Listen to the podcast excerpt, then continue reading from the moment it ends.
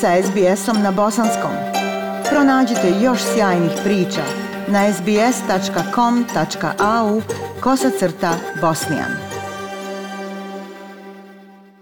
Da li poslodavci mogu zahtijevati od svojih uposlenika da se vakcinišu protiv COVID-19? Jedan sudski slučaj u Sjedinjenim američkim državama izazvao je globalnu raspravu utirući put zdravstvenim ustanovama da radno mjesto uslove vakcinisanjem protiv koronavirusa – Pitanje uvjeravanja ljudi da se vakcinišu dodatno je gorivo za teorije zavjere, pored onoga da vlada koristi pandemiju kako bi kontrolisala ljude. Globalna rasprava usred pandemije poprimila je novi zaokret. Intenzivirala se i pokrenuto je pitanje da li poslodavci trebaju prisiliti svoje zdravstveno osoblje da se vakcinišu protiv COVID-19.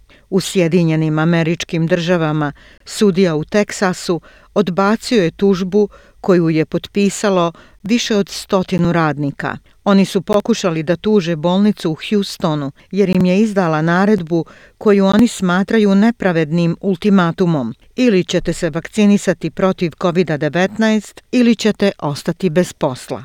Ova presuda mogla bi ohrabriti sve poslodavce širom svijeta da učinu obaveznom vakcinaciju za sve radnike koji rade u zdravstvu. Okupljeni demonstranti podržavaju medicinsku sestru Jennifer Bridges nekoliko minuta nakon što je izašla iz teksaške bolnice u Baytownu u kojoj je radila više od šest godina dok nije dobila otkaz zbog toga što se odbila vakcinisati protiv COVID-19. Jennifer Bridges je vođa pokretača tužbe koju su uposlenici pokrenuli protiv metodističke bolnice u Houstonu. Ona kaže da je nepravedno to što je izgubila posao jer je odbila da primi vakcinu koja još tehnički nema potpuno odobrenje zdravstvenih regulatora you shouldn't force anybody to do anything because just because we're not comfortable with that injection, we should have the right to our own views. We should have the right to our own body.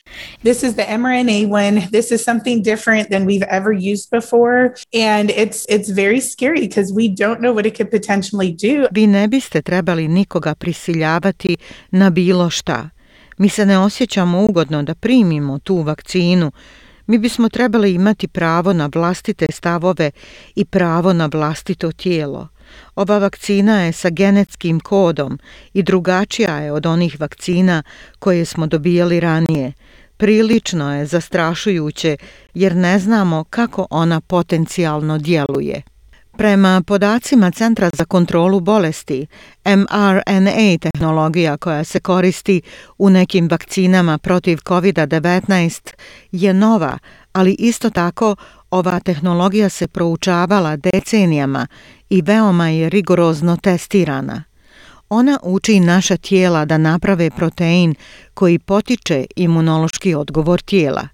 Tužba je odbačena u Teksasu. Methodist employees upset about being required to get a COVID vaccine to keep their jobs. Zaposlenici metodističke bolnice u Houstonu uznemireni su zbog zahtjeva da se vakcinišu kako bi mogli zadržati svoj posao.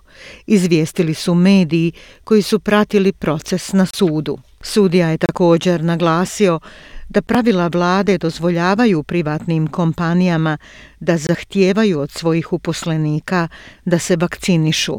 Profesor Erik Feldman predaje pravo, zdravstvenu politiku i medicinsku etiku na univerzitetu u Pensilvaniji. On kaže da se ne radi o prisili, kako tvrde zaposlenici. So, can the hospital do that? Uh, it surely can. When an employer says, you need to get vaccinated if you want to continue to work here, as opposed to compulsory vaccination, which literally dakle, means holding people down and Sigurno da može. Kad poslodavac kaže da treba da se vakcinišete, ukoliko želite da nastavite raditi ovdje, to je drugačije od obavezne vakcinacije, koja doslovno znači da se ljudi mogu zadržati i zabiti im se vakcina bez obzira da li to žele ili ne. Niko se ne vakciniše prisilno Njima se govori da je to uslov zaposlenja. Slične parnice pokrenute su u Novom Meksiku, Kaliforniji i Sjevernoj Karolini. Otpor vakcinaciji nije nov, ali neki su šokirani kad vide dezinformacije na prvoj liniji fronte u borbi protiv virusa. U Ohaju jedna medicinska radnica je nedavno tvrdila na zvaničnom saslušanju da sastojci vakcine protiv COVID-19 uzrokuju magnetska svojstva kod ljudi. Joana Overholt, studentica za medicinsku sestru, branila je mit koji je dijelila s liječnicom dr. Sherry Tenpenny koja je tvrdila da vakcina protiv covid dovodi do magnetizma i uzrokuje da se metalni predmeti lijepe za tijelo osoba koje prime vakcinu. So this is what I found out. So I have a key and a bobby pin here. Explain to me why the key sticks to me. It sticks to my neck too. Yeah, so if somebody can explain this, that would be great. Any questions? Yes, vaccines do harm people. Dakle, evo šta sam otkrila. Imam ključ i špenadlu kod sebe. Objasnite mi zašto se ključ lijepi za mene. Zalijepi se i za moj vrat. Ako bi mi neko to objasnio, to bi bilo odlično. Ima li pitanja? Da, vakcine štete ljudima. Da li je uopšte moguće imati nešto takvo u vakcinama? Evo šta kaže dr. Gregory Poland, direktor istraživačke grupe za vakcine klinike Mayo iz Rochestera u Minnesota. No, I mean, it, it is laughably ignorant. I mean, these are wild claims that are absent any data. Do you think that if these vaccines were unsafe, that 99% of us would take the vaccine? Ne, to je smiješno neznanje. To su lude tvrdnje koje nisu zasnovane na bilo kakvim podacima. Zar mislite da bi 99% nas primilo vakcinu ako bi te vakcine bile nesigurne? ali na radnim mjestima širom Sjedinjenih američkih država postoji dosta osoba sa čvrstim stajalištem koje se protive vakcinaciji i koji pružaju otpor. Antivakcinacijske kampanje također postoje i u Australiji. Savezni zdravstveni dužnosnici i stručnjaci bore se protiv neodlučnosti Australaca od kako su vakcine protiv COVID-19 odobrene za upotrebu. Mnogi kažu da je nagon kojim se protive vakcinaciji snažan i da bi mogao predstavljati glavnu prepreku u pokušaju suzbijanja pandemije.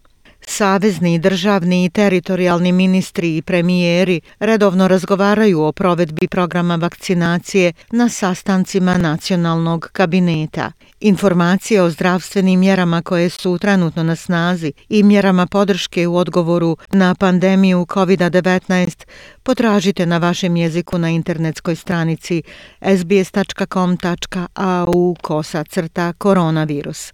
Ja sam Aisha Hadži Ahmetović. Ostanite uz SBS radio. SBS na bosanskom. Podijelite naše priče preko Facebooka. Želite poslušati još ovakvih priča? Slušajte preko Apple podcasta, Google podcasta, Spotify ili kako god da primate svoje podcastove.